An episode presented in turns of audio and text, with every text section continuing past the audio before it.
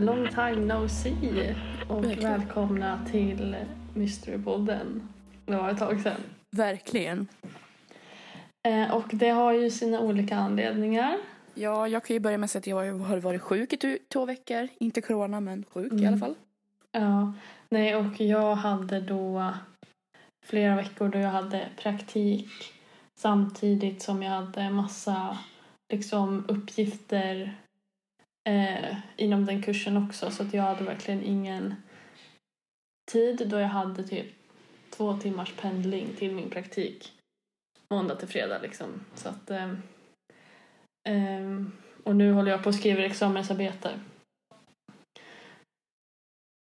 Men nu känner vi att vi kommer igång och lagt upp en stabil plan så att det kommer komma ut ett avsnitt förhoppningsvis varje vecka. Ja, alltså försöka komma tillbaka liksom där vi slutade typ. Ja, för det... Ja, precis. Men idag ska vi prata hemsökta platser. Igen! Igen. Avsnitt tre blir det här gången nu då. Ja, vi märkte att det uppskattades väldigt mycket förra gången vi gör, gjorde det. Så vi, och vi tyckte att det var så kul själva också att eh, leta. Så att vi tyckte att vi på det igen. Ja, tycker jag också. Det är ett bra koncept. Men ska jag, ska jag börja eftersom att Cornelia enbart har en, Ja, men det tycker jag du kan göra. en hemsökt plats idag så vi sparar på den lite kanske. Det tycker jag. Jag har då det första stället som jag ska prata om är Mörtfors pensionat eller Mörtfors pensionat. Jag vet inte riktigt hur man säger det. Säkert Mörtfors kanske. Ja, jag tror också det. Men ja, alltså det började byggas 1910 men det stod färdigt 1914. Ja. Alltså det året då som första världskriget startade. Eh, Så alltså byggnaden skulle då vara ett pensionat redan från 1910.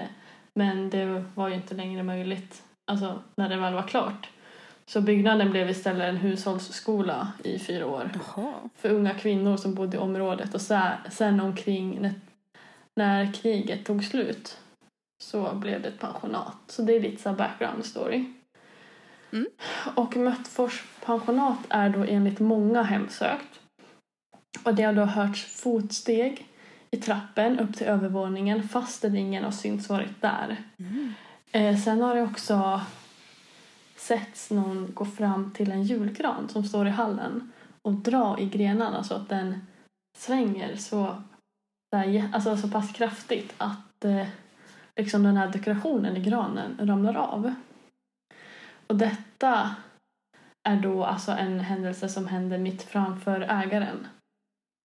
Som också då i samband med det kände en iskall kyla framför ansiktet Usch, läskigt. efter att det hade hänt. Ja. Det hörs kraftiga smällar från restaurangen. Eh, så hon liksom springer dit för att liksom kontrollera den här ägaren springer då. Mm. Och då hörs det en smäll på övervåningen. Och när hon då kommer upp för trappan igen så ser hon att en kristallkrona i rummet är alltså kraftigt så här, gungar fram och tillbaka. Eh, och eh, ja, hon meddelar då att hon kände panik och bara kände att de ville därifrån. Ja, det förstår jag. Och eh, också liksom vid trappans slut på övervåningen så står en gammal stol Mm. som har setts röra på sig. Eh, under en julhelg till exempel ser en av ägarna att stolen från en stund till en annan har liksom flyttats. Mhm. Och eh, ja, men den här personen ställer ju då tillbaka stolen så som den stod innan. Och sätter sig i den. Och då känner hon rysningar i hela kroppen. Eh, och detta eh, upplever liksom också en annan person som liksom har eh, suttit på den här stolen. Nej. Mm. Ja, det var lätt lite läskigt. Alltså, om man själv hade varit med om en stol till exempel hade rört sig så... Nej, alltså, jag tror min själ hade lämnat min kropp alltså. Ja, verkligen. Usch. Nej, men ja, vem vet, man kanske Mm. besöker det där stället. Precis. Sen så ehm, när man rör sig i trappan, Ja. här första och andra våningen, så upplever både personal och ägare alltså tydliga obehagskänslor. Och sen så finns det också en ringklocka i receptionen som är till för du vet, så här, om kalla på personal och kunder.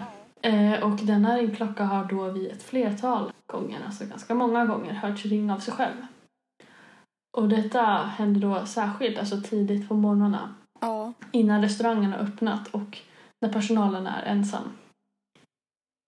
Och då möts då den här personalen varje gång bara av en tom reception. Eh, och när det här har hänt så har man också kontrollerat ytterdörrarna och de har varit låsta.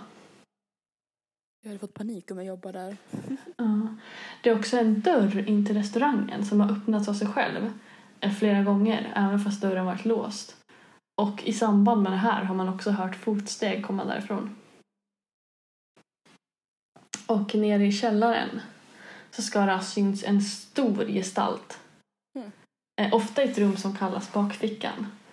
Eh, vilket är ett rum där alltså pensionatets första värdinna föddes.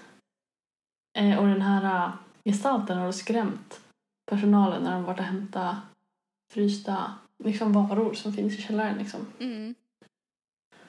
Det var mycket spökerier på vad heter det? Mö, Mörtfors pensionat. Ja. Jag hade aldrig hört om det innan men när jag Nej. läste jag bara shit vad jag inte vill åka dit. Nej, det lät lite, lite för kusligt i min smak. Ja men lite väl mycket liksom som har hänt. Ja, ska vi köra en till då? Ja, tycker jag. Ja, då kör vi väl eh, Sandträsk sanatorium. Mhm.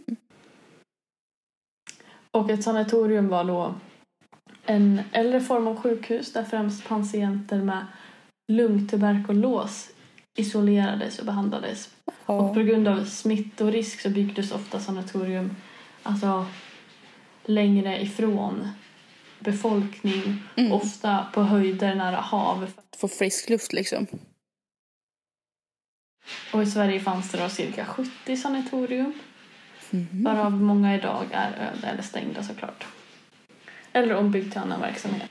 Sandträsk sin sanatorium invigdes då 1913 och hade då plats för 88 patienter. Det finns många hemsökta historier om det här, den här byggnaden. Eh, den är väldigt stor, den är på 13 000 kvadratmeter. Plus läkarbostad och lägenheter för sjuksköterskor. Så det är en väldigt stor plats liksom. Ja, verkligen. Eh, bland annat har flera personer som övernattat där under tiden det var rehabcenter berättat om en tioårig flicka som kommit in alltså vid deras rum Ja. eh, och liksom satt sig i fotändan och spytt. Spytt. Ja, jag tyckte det var väldigt udda. Ja, Att just där satt sig i fotändan och spytt. verkligen. För jag förstår så här, ofta så här, sig och tittar på den bara sitter där och liksom just spytt. Det känns som det ska ha varit någon som typ hostat så mycket att de har spytt galla. Alltså förstår du vad jag menar? Ja, jag förstår. Ja, det berättas också om en sköterska och en läkare Mhm. Med väldigt stränga utseenden som vandrar i korridorerna. Och ett flertal personer har även hört viskningar och steg från våningen ovanför trots att byggnaden är helt övergiven. Hmm. Det finns även ett krematorium där de som dog då brändes. Och där har då besökare berättat om en så kallad cold spot där det plötsligt blir jättekallt. Och på barnavdelningen Mm. har, hörs ljudet av springande barnfötter och slammer från köket. Av många, liksom. Ja. Och ja, det lät också så här, just det där med spytt tyckte jag var lite... Jag hade inte hört det förut. Nej. Alltså, för det är många gånger man har hört liksom att ja, men det har kommit in någon och satt sig i fotändan och tittat på en eller bara liksom... Eller man typ ser sig skuggor eller gestalter. Ja, precis. Eller hör något speciellt ljud, till exempel fotsteg, röster, sådana grejer. Ja, men precis. Och just när de har satt sig i foten så har de liksom satt sig där. Man har bara känt dem sätta sig. Men just att spy, nej, den var ny. Ja, faktiskt. Ja. Oj, ehm, sen har jag bara en liten så här, om Galgön. Mm, Eh, I sjön Örken. Mm. Och på medeltiden så låg där en avrättningsplats för där brottslingar, alltså de hängdes Ja, liksom. det är galja liksom. Precis, och under, det sägs då att under en juninatt varje år så återuppstår de här avrättade och att de då hänger i repen och dinglar med svarta ansikten och blodsprängda ögon. Jag tyckte det lät lite obehagligt. Jo, men det är, som- det är som tur är att idag så är det så mycket träd på ön. Den, det har ju vuxit trädet som ingen har använt den här. Mm, men precis. Så hade de rivit ner i skogen och, häll, och så en så natt i juni så bara dök det upp så här galgar och så hängde, alltså nej. Nej, Nej, men jag tänker mig typ att så här... Alltså jag kanske inte att det dyker upp liksom galgar. Jag tänker mig nästan att de också ska typ... Alltså att de hänger i träden. Usch, nej fy, fy så jag... Tänkte jag. Alltså förstår du vad jag menar? Åh, jag. Det var första bilden jag fick upp när... För jag tänker annars är det ju bara en ö full med så spökgalgar Ja. liksom. Jag, jag tänker mig att första bilden jag fick var att de hänger i träden. Usch, jag tänker bara på typ Akiguhar, eller Hara, vad heter det? Ah, jo, jag vet. Åh, Uh. Den skogen, Mm. den, den, den hemsöker mig också. Ja, fy fan. Alltså på ett sätt så skulle man vilja ta den här guidade turen. Mm. Men på ett sätt känns det så här, lite kluven om det liksom är varför man ska göra det. Alltså det känns lite respektlöst på något sätt. Förstår vad jag menar? Samtidigt som man är liksom nyfiken och fascinerad. Men man har ju liksom egentligen ingenting där att göra. Precis, det var ju typ som, jag tror det är två år sedan, ja 2019 var det. Mm. Jag var på väg hem från Västerås. Vi bruk, jag, äh, mamma skjutsade hem. Eller jag- ja, för sig, mamma bodde ju kvar här. Kommer på. Nej, och sen på, väg, på vägen, vi åker en liten väg. Eh, man kan, alltså istället för att åka, eh, vad heter det, motorvägen, alltså, jag, jag kommer inte ihåg vad den heter men. Det ligger mellan Sala och typ till Avesta och sånt där. Mm. Vi har alltid sett det stå att det, det står att det är typ ja, men en gravplats liksom. Alltså, Mm. ja, man har avrättats av folk där. Så jag hade tänkt så här, men vi skulle vilja titta hur det ser ut i alla fall. Mm. Alltså en så här sen sommarkväll åker vi dit i så här skymning. Eh, och det är så här sen sommar, det börjar bli lite så här mörk om kvällarna liksom. Så Ja. går vi runt där, vi hittar ingenting. Vi hittar typ kantarell. Sen gav vi en sista chans, vi hittade liksom. Och så går Mm. jag där så tycker jag så här, vad konstigt. Det känns som stenarna liksom är runt i en cirkel. För det växte inte så mycket i, i mitten. Det var, li- var lite liksom så här lingon och björnbärsris typ. Så ser jag. Jag går mitt i själva den där, alltså det- den där cirkeln är, var den där avrättningsplatsen. Nej, Så jag får panik och bara förlåt mig. Och så, alltså, gud, jag, jag, fick, alltså, jag fick typ ångest. Jag kände, ja, bara, jag, jag kände bara jag kommer bli hemsökt efter det här. Ja, inte konstigt att det var det sju spöken Åh. i ett rum, eller vad? Ja, fem. Nej, för jag, så, Ja. jag såg det sen så skylten var precis bakom mig. Det stod typ information. Men den var så typ gammal så jag såg inte så mycket av texten. Men alltså, Ja, nej, jag förstår. Gud, obehagligt. jag tänkte bara, vad konstigt. Ja, nej gud. Så just det här när man känner att man så här, shit. Det här skulle jag inte ha gjort liksom. Ja, alltså, alltså inget har hänt säkert efter dess. Men alltså man kände lite så här. Did I just disrespect someone? Ja, då är det ju alltid bra att bara be om ursäkt liksom. Ja, så jag kände, jag, jag var tvungen att, även fast det inte kanske var någon där för det var länge sedan men eh, de dog Ja, så kände jag bara, inte, det här är liksom. typ Det er sista bättre. viloplats liksom. För en själv också. Ja, gud ja. Man känner, kommer i, det är som att jag ligger och sover typ så här och så kommer någon och typ klampar på mig. Alltså, det blir en så här, excuse you? Ja, precis. Men vad hade du för eh, hemsök? Ja, jag hade Ekenäs slott Uh, som ligger utanför Linköping i Östergötland. Alltid där. Alltså, Ja. Nej, men eh, själv, ja, det är ett slott då, om jag inte glömde sa det. Jag vet inte, kanske sa det, men. Ja, det byggdes under åren 1630 till 1644. Så det tog ungefär ja, vad blir det, 14 år. Ja. Och, och sen har det gjort ombyggnationer och utbyggnader som skedde åren 64. Nej, se, nej se, jo, 1644. Eh, Mm. Sen slutet av 1600. Eh, och sen någon gång i början av 1700-talet. Det tog ju lite lång tid att, vet, förr att bygga. Precis. Eh, och det senaste som de byggde ut på ut, utsidan där var ju ja, på 1800-talet. Och sen var det någon som renoverade på 1840-talet, alltså på insidan. Mm. Liksom, Lite fräschare, jag menar. Vem vill bo i ett 200 år man, slott som ingen har fixat liksom sen det byggdes typ. Nej, det är ju liksom... ja, nej. Så lite modernt ville man ju ha. Ja, jo, jag tänker mest på så här att det är kallt. Ja, jo. Nej men, eh, ja, men förr de hade ju massa alltså, spisar och sånt som jämt var igång så det blir varmt. Mm. Så ja, kallt kan det vara på vintern för man kan inte värma ett helt slott på vintern. Nej, så är det ju verkligen. Okej, nej men där slottet ligger så finns en sjö som heter Teden. Mm. Eh, och själva platsen har alltid funnits byggnader. Ja. Och källarvalven, i källaren så finns det ja, man ska säga, rester kvar från 1500-talet som tillhörde någon ett som heter Sture. ja. Eh, en person också som bodde på slottet var greven Maurits Wellink. Han var ägare av Ekenäs slott mellan 1687 och 1727. Mm. Och det sägs, det sägs att han ska ha varit maktlysten och fick en del fiender efter sig som senare satte sina spår för, för honom. Och något som gör honom till en del av det så kallade spökslottet är en sägen. Så tänkte jag, ska vi gå in lite på den här sägen då? Mm, absolut.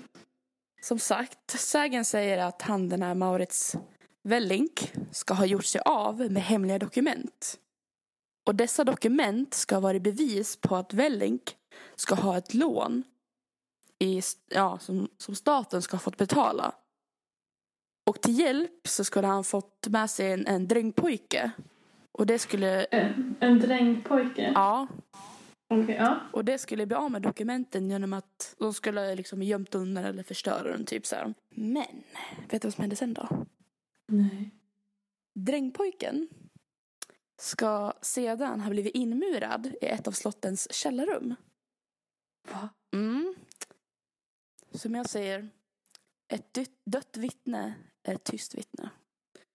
Mm. Så hemskt som det låter, men det är sant också. Men ja. Ja, verkligen. Sen, här står det att väggen har öppnats, men det har tydligen öppnats, säger, sägs det i alla fall en gång senare. Men eh, eftersom att det sägs att eh, om man öppnar det här eh, utrymmet som drängpojken varit inmurat i, Mm. så sägs det att eh, det kommer ske en stor olycka som, eh, som eh, ja, gäller både slottet och slottets ägare. Så därför har ingen velat öppna det. Ja, tills det hände, Nej. tills det hände senare då. Och pojken, den här drängpojken, då har fått namnet Nisse. Nisse. Mm. Gulligt. Ja. Och området där det sägs att han är inmurad kallas för Nisses håla. Mhm. Om ni har kollat på typ Jocke Jonas eh, spökvideos på Youtube så har ni sett när de var där med LaxTon.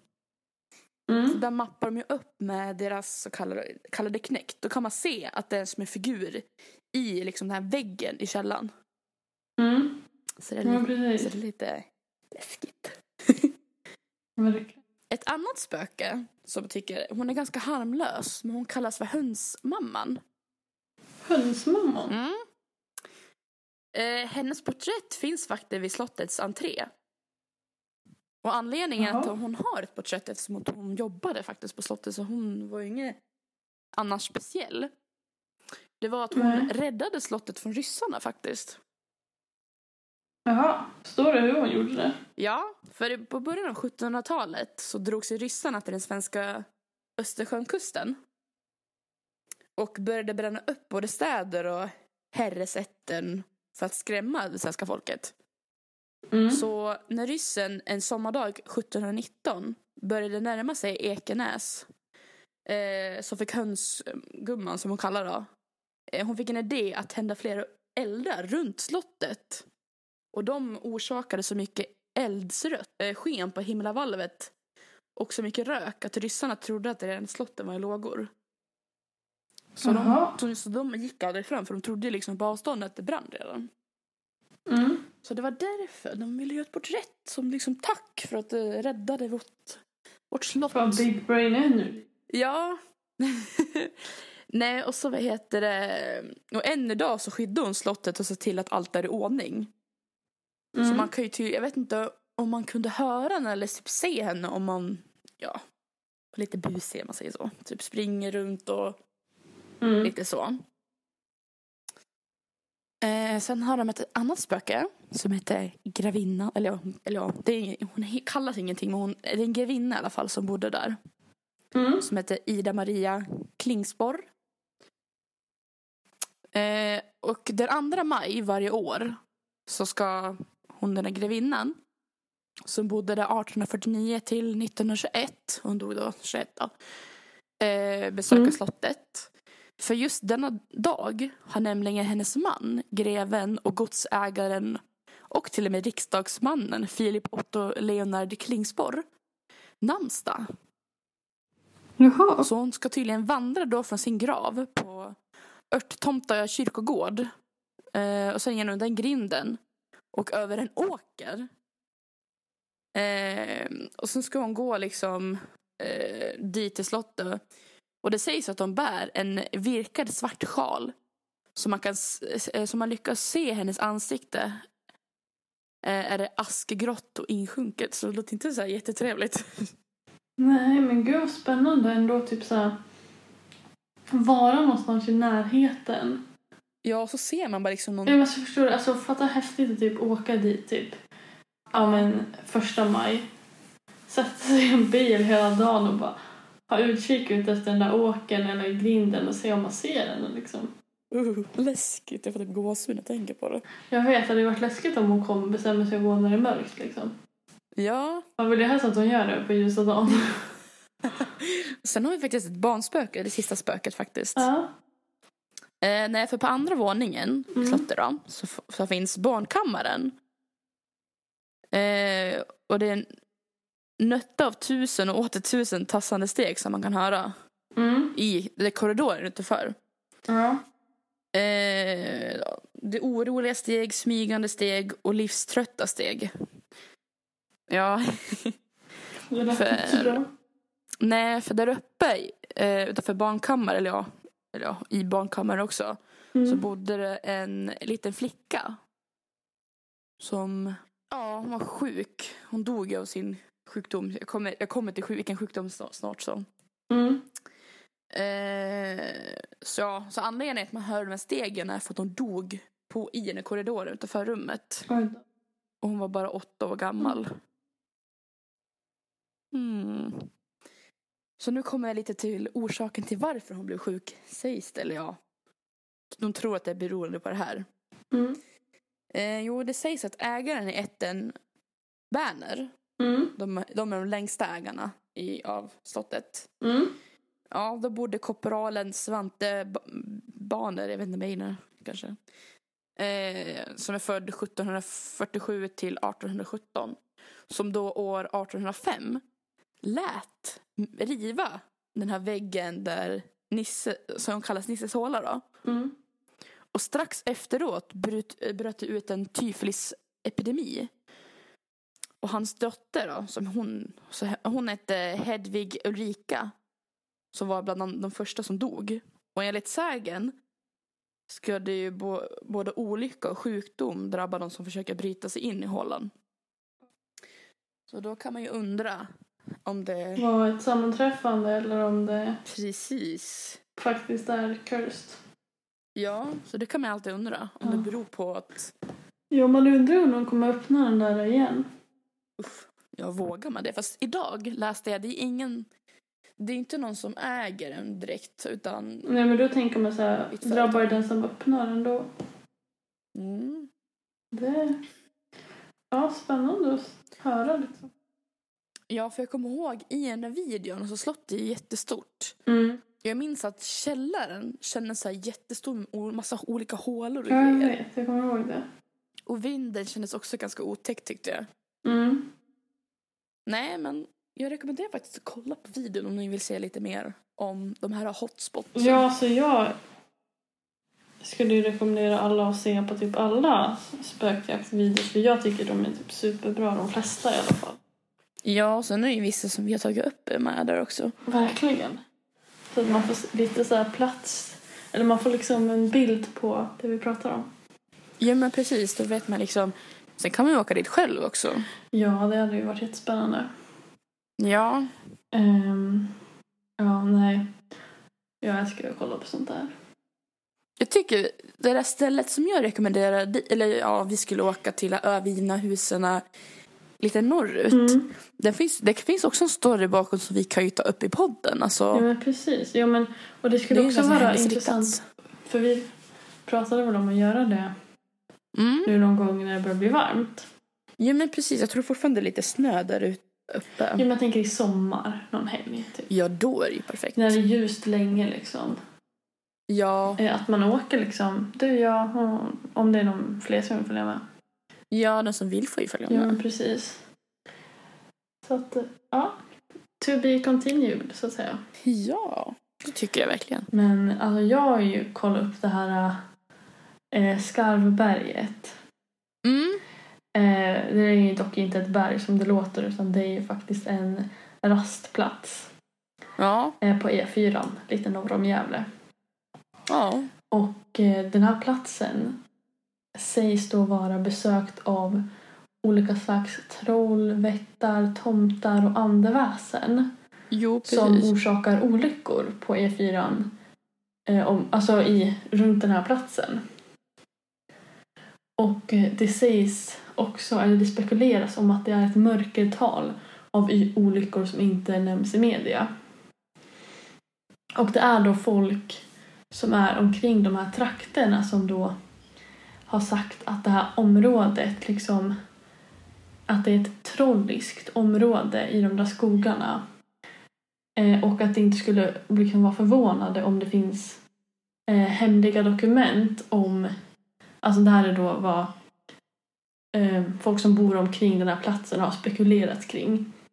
Och de har då spekulerat kring att det kan finnas hemliga dokument över saker som då har skett när de byggde vägen. Som kanske handlar om väsen och sånt som liksom Ja. inte har tagits upp.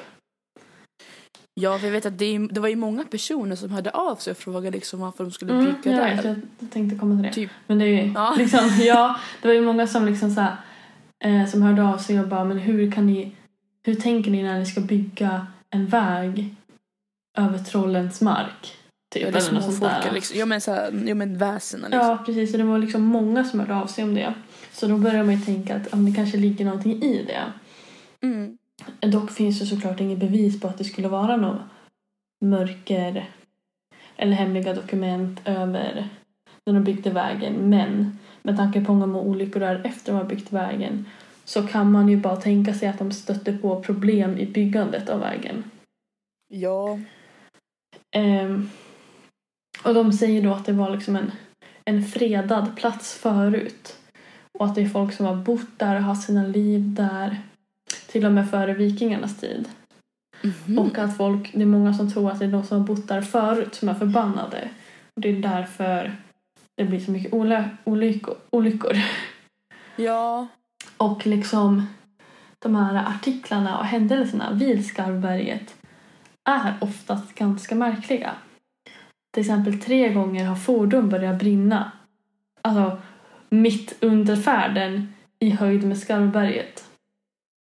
Det är ju lite Ja, misstänksamt. ja liksom. verkligen. Det är inte ofta en bil börjar brinna mitt i färd tre gånger precis vid Skarvberget.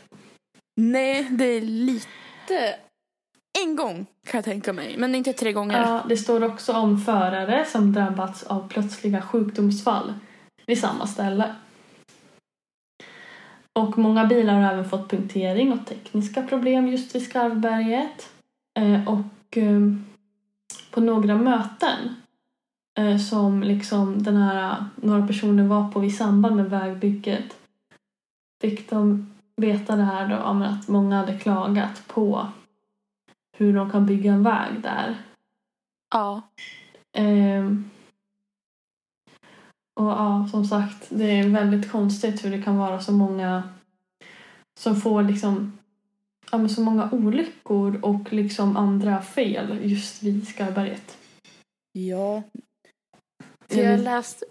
Ja, du kan fortsätta prata. Jag vet ju liksom att jag har åkt den vägen ganska många gånger för att ehm, min pappa bor liksom Norrut där. ja, norrut där och man kan då antingen åka gamla E4 eller nya E4. Åker man nya E4 åker man förbi Skarvbergs rastplatsen. Och det är många gånger jag tar den nya E4 nu för tiden. Och eh, peppar peppar tar i trä men det har inte hänt någonting än. Nej, verkligen. Jag ska ta ett trä här jag också. Mm. Nej usch. Nej, för jag vet att jag kollade ju upp det där lite förut. Nu gjorde jag inte exakt lika mycket research som dig, men då, jag vet inte hur jag kom in på det. Eller om jag ens läste om Skarberget ens. Ja. Men jag läste att på Island då har man tagit hänsyn där folk Mm. anser en som väsen, alltså det bor väsen. ja. Ja, Så därför är det jättemånga vägar som åker runt dem istället för snirkliga liksom. precis. Att I Island är det mer vanligt att de tar liksom den här folktron och väsena till liksom, alltså de Så, alltså som att det finns på riktigt liksom. Mm. Och de liksom anpassar vägarna ut efter platsen och inte att de Precis. Bygger en väg snabba, liksom. snabbaste vägen igenom liksom. Nej, jag tyckte det var lite intressant. Ja, jo, jag läste också det. Ehm, ja, sen kör vi väl äh, avsnittets sista hemsökta plats. Oh, läskigt. Jag.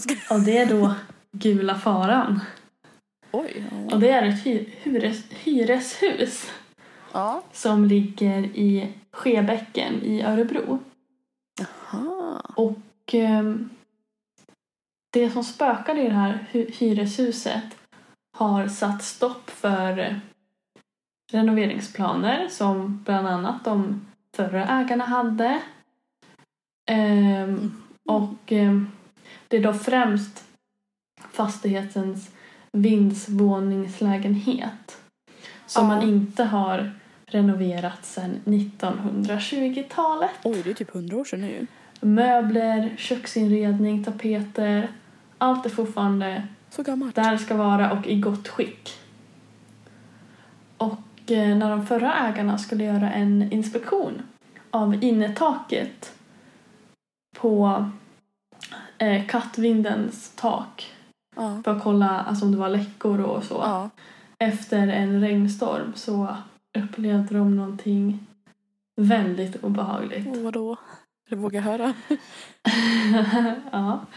En av dem var på taket och kollade efter läckage medan den andra stod i hallen. Och den här som stod i hallen kände plötsligt hur någonting tog tag i honom och kastade ut honom Va? ur hallen och i trapphuset. Oj. Den här kraften var så stark att han blev så rädd att han ropade till den här på taket Fly genast ur lägenheten. Och de... Ja, de satte aldrig foten där igen. Gud vad läskigt. Jag, tror typ, alltså, jag har gåshud alltså. Mm, alltså tänkte jag bara känna hur någonting tar tag i nu och verkligen med all kraft kastar ut den. Usch.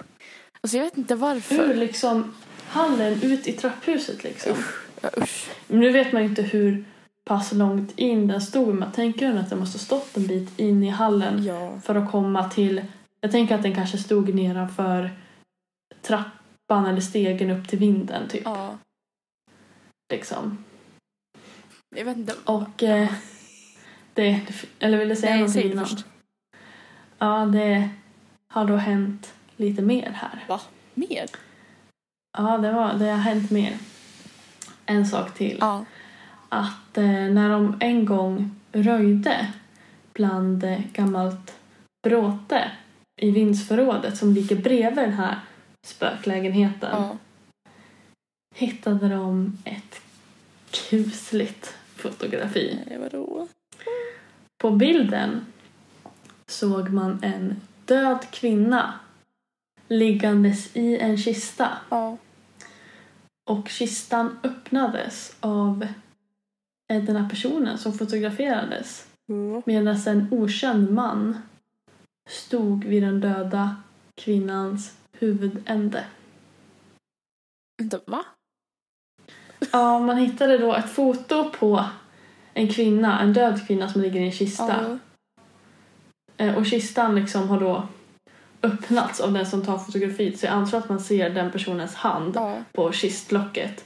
Och att det då står en man vid huvudet. Man kanske ser gestalten av en man vid kvinnans huvud. Ja, så det var typ som ett spöke? Eller det var en riktig person? Jag tänker mig att det är en riktig person med en okänd man. För att man ser, jag tänker att man bara ser benen, kanske en rock. Jaha. Förstår vad jag menar? Alltså, Det låter som en typ dödsvaka när någon vill ha en sista bild på den döda personen typ. mm, men en väldigt obehaglig bild att hitta bredvid, alltså uppe på en vind bland bråte. Ja, jo. Och det kanske förklarar lite varför det spökar och ingen vill, ingen får renovera lägenheten. Det kan ju vara hon som är död. Alltså som spökar. Ja, verkligen. Absolut. Hon kanske var... Men jag tänker, hade hon varit mördad hade hon kanske inte legat i en kista. Eh, kanske. Jag vet inte. Men obehagligt. Ja, och, Man undrar ju såklart, vilka är bilden? Vad gör de där? eller hur? Liksom, vad är bilden till för? Hur har den hamnat där? Vart är den tagen? Jag förstår så många frågor. Så många frågor. Men framförallt undrar man ju så här, vilka är på bilden? Vad är historien bakom? Jag tror att historien bakom, tror jag, jag tror att i alla fall att man har tagit den eh, ja, men som ett minne liksom. Mm. Jo men absolut, Men det mer tror jag så också. vet jag liksom inte. Och jag vet inte varför den ligger just där.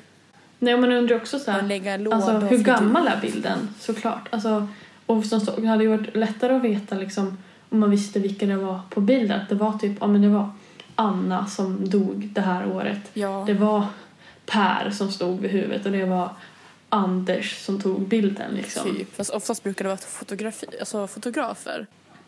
Mm. Hmm. Alltså när jag tänker på dödsvaka så te- alltså, tänker jag bara på det min mamma berättade om hennes mormor när hon var liten och var på en dödsvaka. Och då Mm. snackar vi typ, ja men vad kan det ha varit? Slutet av 20-talet, kanske början av 30-talet. Usch, alltså jag Mm. ryser när jag tänker på det. Oj, Eh, alltså, jag kan ju säga att min gammelmormor då, som det blir, mm. är från, ja, hon- var från Norrland. Eh, Mm. Nära finska gränsen eftersom att hennes föräldrar var från Finland. Mm. Eh, och eh, det var någon faste tror jag, något, ja men det var liksom en äldre som hade ja, gått bort då. Mm. Eh, och så fick hon följa med först för att titta på den här fasten, eller man ska säga vad det var. Eh, Mm. och då såg hon liksom att hon såg, såg så här fridfull ut i kistan. Eh, och så vet jag kommer inte ihåg om hon var med någon av sina föräldrar då. då. Och sen Mm. dagen efter så var den officiella dödsvakan. Och då var jag ju Mm. med där också. Jag ryser när jag tänker på det. Eh, och sen går vi fram där och för att säga ja, hej då på riktigt då. Mm. Då, då känner hon sig lite så här olustig. Mm. För att hon märker någonting konstigt med den här fasten eller vad det var. För den här fasten, Okej. hon, hade, hon hade inga skor på sig, hon låg liksom med vita strumpor. Ja. Och hon såg att st- strumporna var lortiga.